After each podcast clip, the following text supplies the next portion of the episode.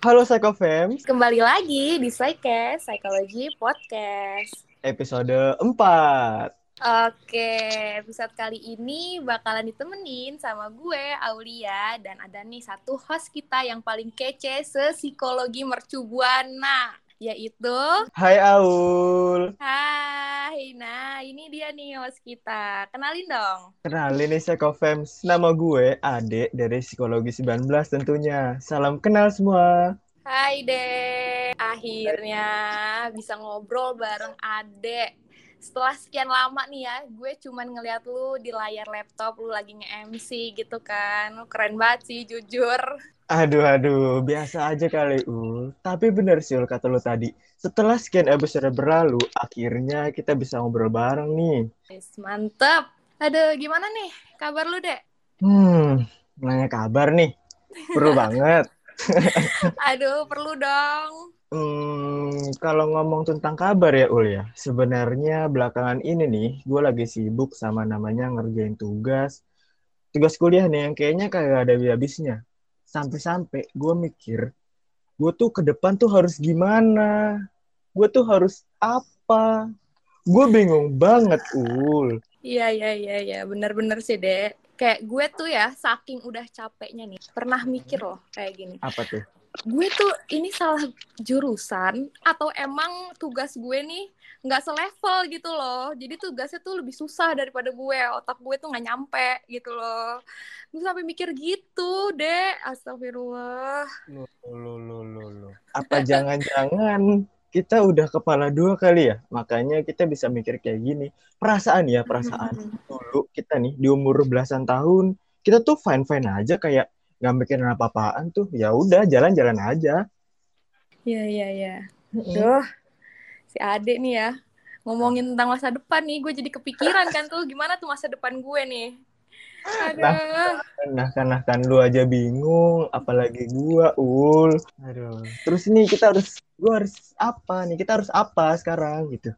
Nih daripada kita bingung ya kan, nih malah nggak akan ada habisnya nih masalah. Udah kita langsung aja nih undang narasumber yang kece, cetar membahana nih.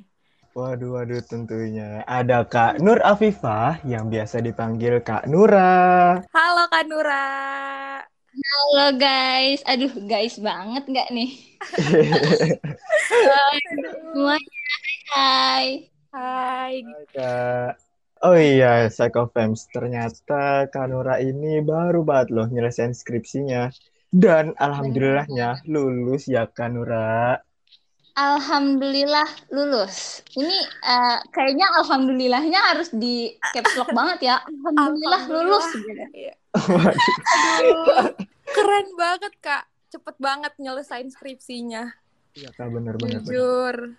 Terus sekarang gimana nih kesibukannya Kak Nura? Oke, kalau ditanya kesibukan, eh, lagi sibuk. Eh, Hmm. Jelas lagi sibuk karena eh, baru join nih di salah satu perusahaan ya kan. Jadi kayak tanggung jawabnya masih berasa nih. Jadi kayak lagi sibuk-sibuknya. Waduh, Oke. keren banget, keren banget. Udah baru lulus, udah join di suatu perusahaan aja gitu ya. Wah, keren, keren, keren, keren, keren. Oh iya nih Kak, tadi kan kita lagi ngomongin soal keresahan kita ngadepin kuliah nih, yang kayaknya berujung sama kepikiran tentang masa depan. Terus ditambah lagi belakangan Hmm. itu gue nih, gue pribadi eh, lebih sering banget Hmm. lihat postingan Twitter, kayaknya banyak banget orang yang ngeluh tentang masa depannya, tentang kapasitas dirinya. Bisa nggak sih gua bersaing dengan mereka yang sekiranya punya kapasitas lebih daripada gua gitu? Ya ya ya. Terus ya Kak. Oh ya jelas bisa dong. Ini jadi lagi pada resah sekarang nih. Semester Resah. berapa ya? Udah mulai resah. Aduh, semester udah naik. Udah mas udah mau naik semester sini ya. Semester 5 itu udah bisa dibilang akhir ya berarti ya? Oh, belum. Eh, menjelang akhir, Menjelang di akhir. akhir ya. Ini udah Men- masa-masa dibilang harus nyantai yang nggak boleh nyantai, tapi mau dibilang serius juga kayaknya jangan terlalu serius dulu nggak sih? Benar-benar. Benar, Yang benar, ada tertekan ya kak. harus Benar, itu sih yang aku rasain juga waktu itu. Iya benar-benar bisa apa ya eh, mas- menikmati lah masa-masa kuliah gitu kan kan cuma Mm-mm. kali seumur hidup Iya, iya benar-benar. Tapi nih ya kak, setelah dipikir-pikir, ini tuh omongan yang tadi nih kita nih, permasalahan keresahan kita nih, itu tuh kayak berkaitan deh kak sama tema sidecast episode kali ini. Wah, Wah, apa tuh? Waduh, kepo ya, kepo ya. Jeng jeng. banget dong tentunya. Aduh, jadi temanya itu adalah quarter life crisis. Hmm. Menurut Kanura tuh quarter life crisis apa sih?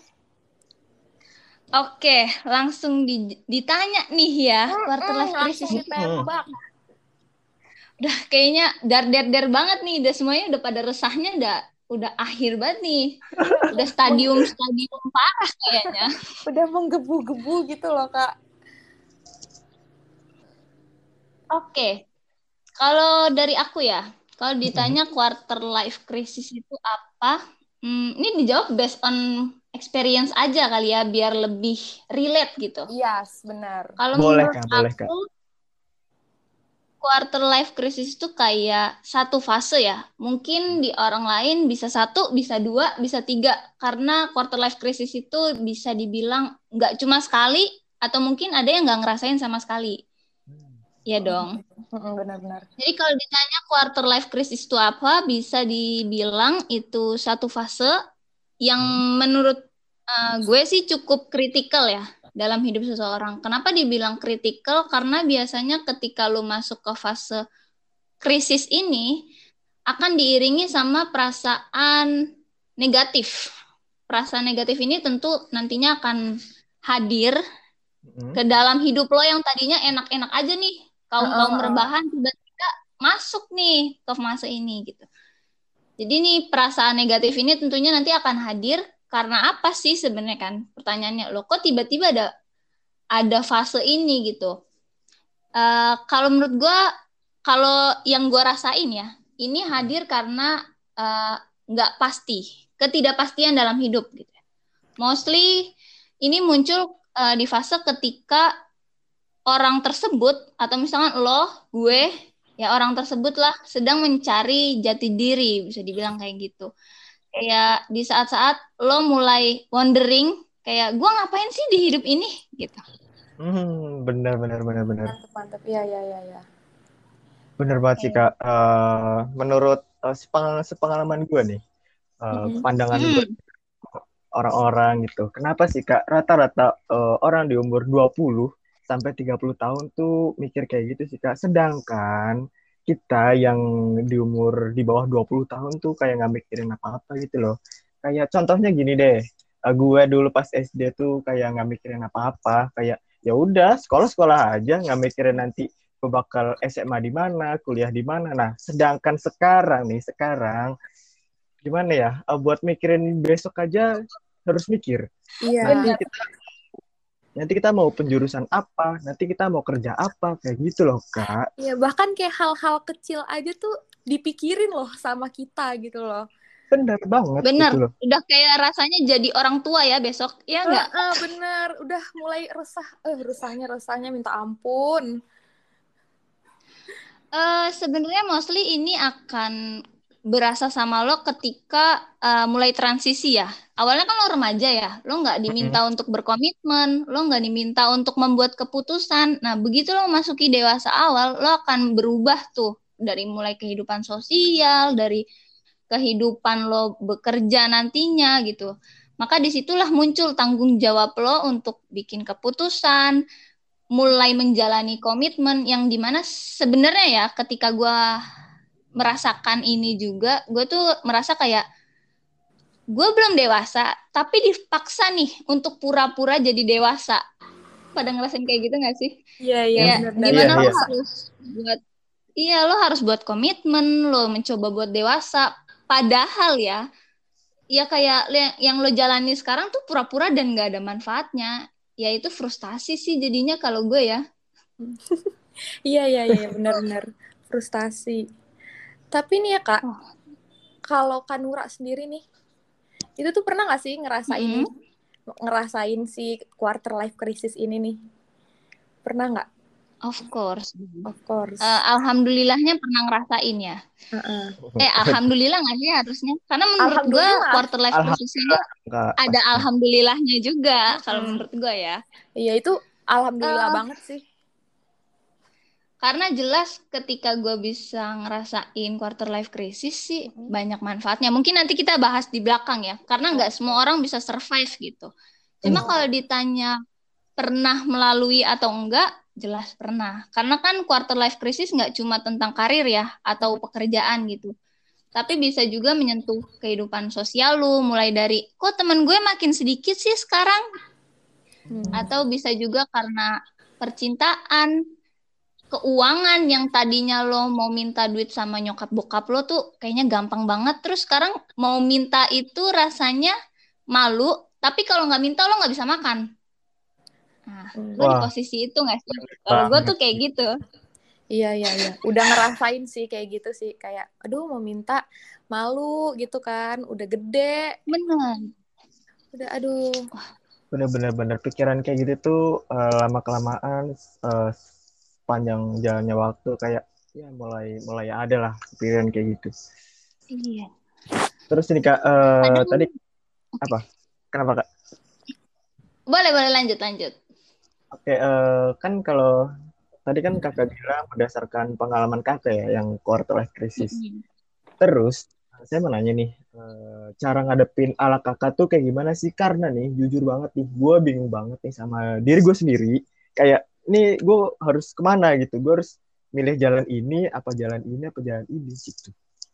Gitu loh, Kak. Oke, kalau ditanya solusi, kita study case saja kali ya. Ini lebih Iya, ke boleh. kasus gua, kasus gua seperti ini dan cara gua menyelesaikan tuh seperti ini. Eh, kalau waktu itu gua ngerasa eh, quarter life crisis gue itu mulai ketika gua habis sidang. Wow. Habis sidang harus revisi, tapi di situ gua malah demotivasi. Maksudnya adalah ke- yang harusnya gua mau cepet-cepet selesai nih ya, revisi biar cepet-cepet lulus gitu. Tapi gue kok malah kehilangan gairah, gua nggak pengen cepet-cepet selesai kuliah. Karena di pikiran gue pada saat itu adalah ketika gue selesai kuliah apalagi yang harus gue lakukan? Dan apa yang bisa gue berikan buat orang tua gue gitu.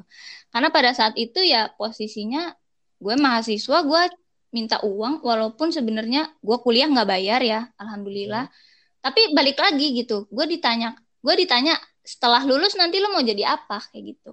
Di situ tuh gue kayak mulai merasa kok hidup gue gini-gini doang ya? Temen gue kok bisa ABCD bisa DEFG gitu ibaratnya. Kayak rasanya tuh hidup gue padahal ya ibaratnya gue cukup early di angkatan gue tapi rasanya tuh gue lagi lomba gue lagi compete eh, lagi main keren-kerenan main dulu-duluan tapi posisinya gue kalah. Padahal in real life gue nggak kalah gitu. Jadi gue akan gue tuh kayak merasa gue terjebak dalam suatu jalan buntu lah ibaratnya ya. Sementara teman-teman gue di sana di luar sana tuh masih ngebut masih menata hidup mereka bahkan menata skripsi mereka gitu. Jadi gue udah yang di jalan buntu. Kalau gue mau jalan ya gue harus cari tangga atau cari jalan lain kalau gue nggak diem aja ya gue akan di situ-situ aja gitu. Nah thoughts kayak gitu tuh yang bikin gue mikir yang gue kerjain saat ini buat apa ya kayak gitu. Jadi kayak pertanyaan-pertanyaan kayak gini tuh eh, bikin diri gue cemas bikin diri gue khawatir bahkan kayak ibaratnya gue sampai pada saat itu sih eh, Kenapa tuh, Kak? say goodbye sama sosial media tuh Oh, mungkin kalau iya. misalkan orang-orang ngerasa nih kok followers gue hilang satu itu gue kayaknya Waduh. diaktif Iya iya iya. Lagi diaktif akun gitu ya. Oh, bener. berarti kakak Iya. selama itu kayak itu ya, Kak? Apa ya? Istirahat sosial media gitu ya? Puasa sosial media gitu ya, Kak?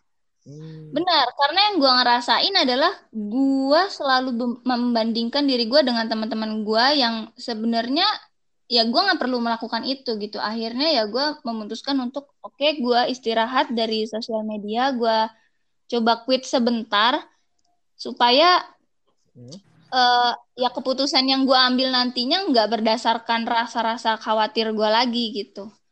Terus kalau dibilang makanya tadi gue di awal bilang ya Hmm. fase quarter life crisis gue nggak cuma satu mungkin karena hidup gue banyak dramanya nggak sih hidup hidup aku juga Waduh. banyak drama nih kak kayaknya kalau mau dilihat-lihat gitu ya Iya, drama suka banget belakang. hidup hidup gue aduh Eh, di saat gue belum fully recover, di saat gue belum selesai dengan quarter uh, life crisis gue yang pertama, muncul lagi nih. Eh, jadi pada saat itu, eh, alhamdulillah gue udah selesai revisi, gue udah lulus, tapi memang kan belum belum itu ya, apa sih wisuda ya. Cuma pada saat itu uh, gue ditimbangkan atas dua pilihan. Jadi gue uh, alhamdulillah keterima S2 di Thailand. Tapi di saat yang sama, cuma beda Hmm. dua hari atau tiga hari, gue keterima kerja nih. Wih, as mantap. Hidup. Ya kan? Merinding. Terus Yang tadinya, Pasti bingung banget. Yang tadinya gue berdoa, aduh, gue mau ngasih apa ya ke orang tua gue? Kok sekarang malah dikasih banyak, tapi gue harus milih salah satunya. Wah itu Mm, benar-benar. lebih capek lagi sih. Benar. Wah. Terus itu ya kak, kan itu uh, Kanura kan dihadepin sama dua pilihan. Nih, Iya, benar. Antara sama uh, keterima S2 di Thailand Thailand. sama uh, Hmm. keterima kerja. Nah, itu Iya. Kanura tuh gimana sih bisa milihnya tuh sampai-sampai kayak wah, ini nih kayaknya keputusan yang ini yang bakalan gue ambil ini uh, pokoknya ini insya Allah terbaik gitu. Itu tuh uh, gimana milihnya? Terus terus nih, itu tuh uh, kenapa Hmm. yakin banget sama keputusan itu? Itu kak. Soalnya kan Oke. sama-sama keren gitu ya kak. Uh, hasilnya yang Oke. bisa didapet. Terlihatnya memang sama-sama keren ya. Hmm. Tapi balik lagi ketika uh, quarter life crisis, pasti gue akan uh, cari tahu sih diri gue ini sebenarnya saat ini butuh apa. Terus juga uh, orang-orang yang selama ini gue ibaratnya gue jadiin role model itu uh, apakah dia cukup baik buat gue jadi role model gitu ya. Jadi gue menyingkirkan dulu tuh yang uh, faktor yang pertama, gue membanding-bandingkan diri gue dengan orang lain. Gue stop itu, gue push diri gue untuk ya lu kayak gini gitu, lu percaya diri ya seperti ini gitu. Jadi uh, ketika gue udah uh, confident dengan diri gue, gue coba mengenali diri gue lebih dalam lagi. Dan pada akhirnya ya ibaratnya gini ya, gue sih cukup kasihan ketika orang tuh melewati quarter life krisisnya nggak nggak didampingi sama mentor ya. Ibaratnya entah itu orang tua mereka atau mungkin ada ya ada orang lah yang bisa menjadi uh, pembimbing dia gitu. Tapi alhamdulillahnya balik lagi gue pada saat itu gue dibimbing banyak orang. Ketika dihadapkan dua pilihan uh, gue mikir ketika gue beasiswa gue harus jauh dari keluarga gue dan pada saat itu banyak minusnya. Let's say gue harus keluar kos lebih banyak ketika gue harus kuliah di Thailand. Tapi ketika gue kerja gue masih bisa tetap dekat sama dekat sama keluarga gue uh dekat sama pacar gue Hmm, hmm, hmm. uang kayak gitu. Dan dan di saat pandemi kayak gini gue nggak mungkin bisa keluar dari rumah jauh antah berantah. Kalau tiba-tiba gue di sana sakit siapa yang mau ngurusin? Ibaratnya gue kayak gitu ya. Di saat itu sih gue jadi stop ngebandingin diri gue dan gue coba mulai uh, istirahat. Gue gue istirahat tapi gue berkomitmen ya pada saat itu. Gue bilang sama diri gue sendiri bahwa gue istirahat bukan untuk hilang tapi gue istirahat untuk bertanggung jawab atas apa yang nanti akan gue pilih. Jadi gue gue bilang kayak gitu ke diri gue jadi gue istirahat cuma sebentar supaya ketika gue balik lagi otak gue ini udah fresh diri gue ini udah siap. Jadi gue sempat break makanya tadi gue bilang gue break dari sosial media. Gue diaktif uh, tapi setelah itu ya gue mulai ketika ditanya apa keputusan lo gue udah siap gitu. Jadi bukan cuma mental gue yang siap tapi diri gue pun udah siap. Kayak gitu. Berarti kayak harus siap mental juga ya, terutama ya kak. ya benar. Karena fasenya pasti lo akan mau nggak mau lo istirahat dulu sih. Karena capek nggak sih abis cemas abis khawatir ya? Ibaratnya kayak yang sekarang kalian alami lagi resah tuh semester lima ya. Heeh, bener. Apalagi abis itu kan ngeliat sosmed ya kan, ada orang yang lagi kayak gini lah, terus kita ngebandingin, nah itu jauh lebih menyakitkan sih, lebih parah. Makanya kita harus uh, healing first. ya dan healing orang kan tiap orang pasti punya cara healingnya berbeda-beda lah ya kan Mm-mm, Bener-bener. Bener banget. Oke. Eh, Oke lanjut ke lanjut ini. Eh, kan tadi kakak bilang sendiri nih, buat setiap orang itu pasti ada yang lewatin quarter life crisis dan ada yang enggak. Nah, dan dari menurut Hmm. pengalaman kakak sendiri kan kakak ngelewatin nih. Nah, yang mau saya tanya ini, kelihatan nggak, kelihatan banget nggak sih kak eh, orang-orang nih yang sedang ngalamin quarter life crisis, eh, kayak kelihatan dari gaya hidupnya berubah atau eh, apa ya atau sengaja orang itu malah kayak nutupin gitu loh Kak. kayak biar biar gue nih nggak kelihatan kalau gue lagi dalam fase ini gitu. Hmm, tuh gimana bener-bener. Nggak mau kelihatan orang tahu Oke. gitu kan kalau gue lagi resah. Mm-mm. Bener-bener. Mm-mm, benar. Itu itu pasti yang pertama lu lakuin sih. Karena kan lu nggak mau kan kelihatan di temen-temen lu lo lagi kenapa nih orang gitu kan. Apalagi ibaratnya quarter life crisis kan fasenya lu bebenah nih. Berarti saat ini lu berantakan dong. Iya, Hmm, bener. hmm. mau dong ngasih unjuk kamar lo yang berantakan ke orang-orang lain gitu pasti itu akan lo make up sebagus mungkin supaya orang-orang taunya ya lo fine fine aja Iya. lo eh, lo, lo pada kayak gitu gak sih kalau Iya. kalau yang gue alamin sih gitu ya Iya, kalau kalau aku juga gitu sih kayak aduh nggak mau nggak mau orang tahu deh gitu kayak nanti kayak kesannya kayak aduh lemah banget sih lo apa apa diumbar gitu iya bener nggak mau kayak Eh, aduh, iya mendingan Heeh, bener Kak, bener. Kayak kayak gitu tuh apa ya kita tuh nutupin dari orang lain tuh supaya diri kita tuh kelihatan gak lemah di mata orang lain. Itu yang pertama mungkin itu. Terus yang kedua supaya kita eh, apa ya kalau misalkan kita kelihatan lemah pasti kita menerima judge-judge dari orang gitu loh. Jadi yang ada tuh diri kita makin down gitu.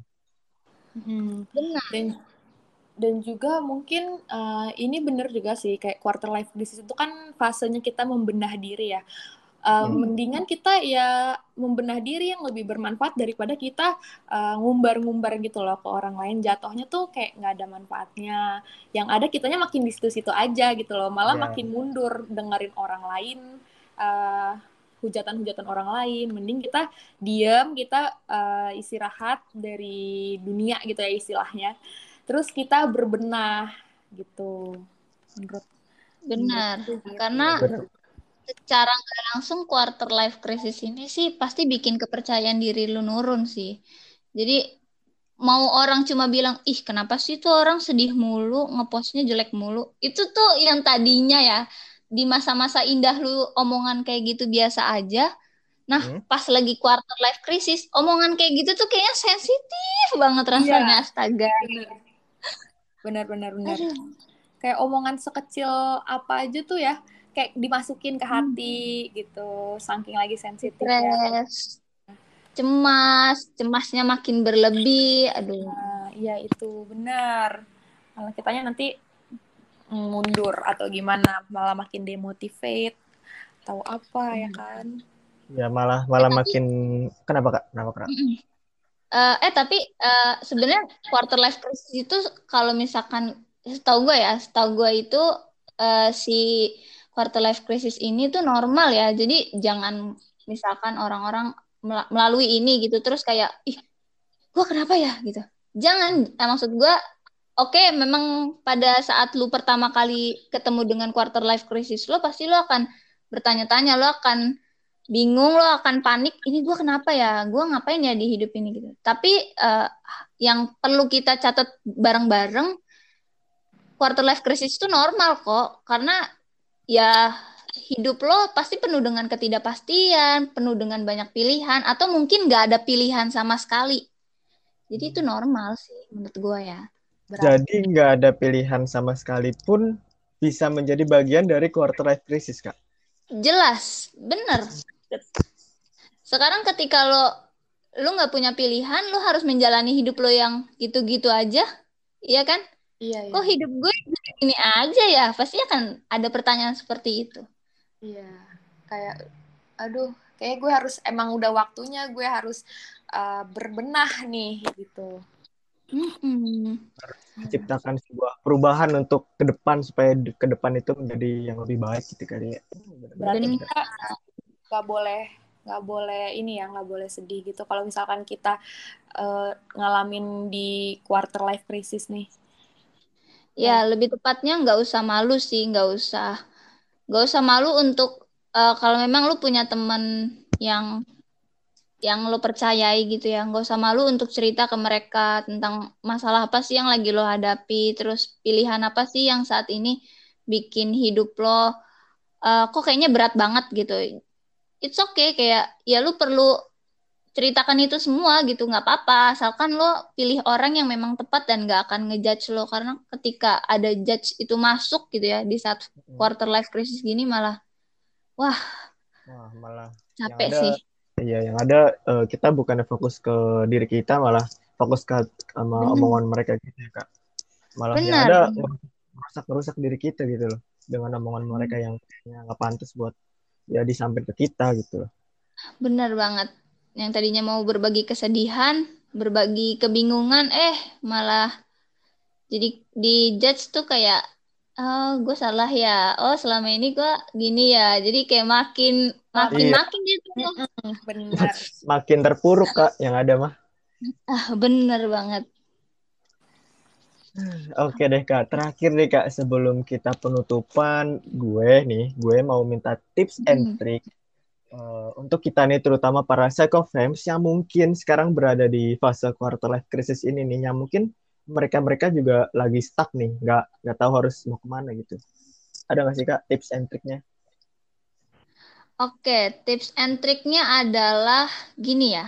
Kalau gue adalah eh, tipikal orang yang realistis. Jadi ketika eh gue bimbang, gue merasa diri gue nggak cukup baik, gue akan balik lagi. Ih, gue ini udah keren banget loh. Bukan maksudnya gini, bukan bermaksud untuk eh, menyombongkan apa yang gue punya sekarang gitu ya. Tapi justru itu ngeboost percaya diri gue. Jadi gue akan lebih ngenalin diri gue sih ketika ketika orang lain bilang kelebihan eh kekurangan gue apa? Kekurangan gue A B C D E F G. Orang kan pasti akan bilang seribu kekurangan ya kan? Tapi yang bisa ngenalin diri lo sendiri ya cuma diri lo. Jadi tipsnya ya realistis aja. Apa yang ada di hidup lo ya dijalanin gitu. Karena apa yang lo capai sekarang eh itu hasil jerih payah lo selama ini tau gak sih? Gue sih mikirnya kayak gitu ya. Terus bisa Ya, ya. juga sih, mungkin mungkin gini, kalau misalkan eh, kalian sering ikut organisasi kan pasti, Ya, ketika di himpunan gitu ya, pasti kan ada eh, materi tentang eh, bikin planning A, B, C, D, eh, planning kecil, planning sedang, planning besar gitu. Mm-mm. itu menurut gua kepake banget sih. Ketika gua lagi eh, bingung-bingungnya pada saat itu himpunan juga lah yang bikin gua kayak nih lu nggak punya planning sih makanya hidup lo kayak gini gitu. Makanya ketika ditanya tips and trick penting sih buat planning ya. Kalau gue biasanya planning itu hmm, gue bikin planning untuk satu tahun ke depan gue mau eh, mencapai apa aja. Terus gue juga bikin planning untuk ya mostly yang paling sering gue idam-idamkan adalah pla- planning gue lima tahun ke depan. Walaupun ya gue nggak tahu nanti lima tahun ke depan akan ada apa gitu cuma planning itu sih yang bikin gue kayak eh, sadar gitu ya. Ketika sekarang gue belum punya apa-apa gue mikir lagi oh iya ini kan harus bisa tercapai lima tahun lagi gue bilang gitu. Kalau misalkan ini baru setahun gue udah nanyain salah sih dari gue nya kayak gitu. Jadi kayak sebenarnya planning yang gue buat buat reminder juga buat diri gue kayak gitu. Oke. Ini berarti tadi eh, dari yang aku tangkap ya, Kak. Itu Mm-mm. uh, tips and triknya itu yang pertama adalah realistis. Jadi orang yang realistis aja, jangan uh, yang harus gimana-gimana gitu. Ya kita apa adanya aja. Kita jalan ya udah uh, gue bisanya cuman A ya udah A jalan. Tapi kalau bisa di uh, naikin lagi, di upgrade lagi boleh gitu. Tapi kalau misalkan nggak bisa ya udah nggak apa-apa gitu. Realistis aja. Terus jangan lupa hmm. untuk self appreciate ya kak Bener uh, banget. Atas usaha kita gitu kan kak, udah sejauh hmm.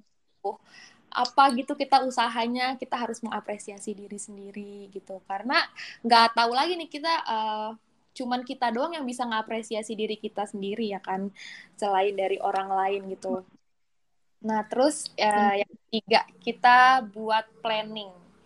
Ya buat planning karena hmm. mungkin uh, ada aku punya uh, pernah baca ya kayak misal uh, kata-katanya tuh kayak uh, cita-cita tanpa planning tuh ya udah cuman cita-cita aja nggak bakal kerealistis kerealisasikan gitu. Karena nggak punya planning nggak punya arah arah kita nanti ke depannya mau gimana plan kecil plan gedenya tuh nanti kita mau kayak gimana. Kita nggak bakal tahu hmm. gitu. Gitu. Bener karena keberuntungan itu nggak akan seberhasil itu ketika lo nggak punya persiapan sih. Jadi kalau lu punya persiapan terus lu juga dapat kesempatan keberuntungan baru bakal bak, bakal datang ya. Mm -mm, benar benar benar oke gitu diinget ya tuh psychofams pesan dari Kanura tips and trick dari Kanura nih yang mungkin lagi berada uh, psychofams lagi berada di fase quarter life crisis nih fase-fase yang kayak gini nih nah terus uh, psychofams tahu harus ngapain ya kan. Psychofems bisa banget nerapin apa uh, tips and trick apa yang udah disampaikan sama Kanura gitu. Nah, iya. benar banget tuh. Uh, tadi sih mau ngulas sedikit tentang planning. Menurut uh, menurut apa ya? Menurut buku yang pernah gue baca gitu. Kalau kamu punya mimpi yang besar, rubahlah mimpi itu menjadi rencana-rencana yang kecil supaya kamu bisa menggapainya. Seperti itu. Benar. Exactly, bener banget. Nah, bener banget tuh apa yang barusan disampaikan sama Kanura. Oke deh, mungkin segini aja ngobrol asik kita bareng Kanura. Mungkin di episode nanti, episode selanjutnya kita bakal ketemu bertiga lagi nih. Dan tentunya dengan topik yang berbeda pastinya. Oke deh, Kanura, makasih okay. udah mau sharing-sharing sama iya nih, Kak. Psychofems Wih, thank you juga loh diajak ke Psycast nih. Kayaknya pendengarnya udah banyak banget nih ya di Psycast. Episodenya juga makin lama makin banyak nih. Iya, iya, iya. Betul, Kak, betul. Kan kita... Ain aja ya, Kak. nah. Amin untuk Psychofans nih ya, jangan lupa pantengin terus Psycast kita di Spotify, at HMF Psikologi UMB, dan beberapa sosial media kita yang bakalan update info-info psikologi lainnya, dan tentunya nggak kalah menarik dengan Psycast ini. Bisa juga diakses di Instagram at HMF Psikologi UMB dan Twitternya at HMF Psikologi UMB. Oke, gue Ade. Dan gue Aulia pamit undur suara. See you on the next Psychcast. Bye-bye. Bye-bye. Bye, Kak. Terima kasih, Kak. Terima kasih, Kak. Terima kasih juga semuanya.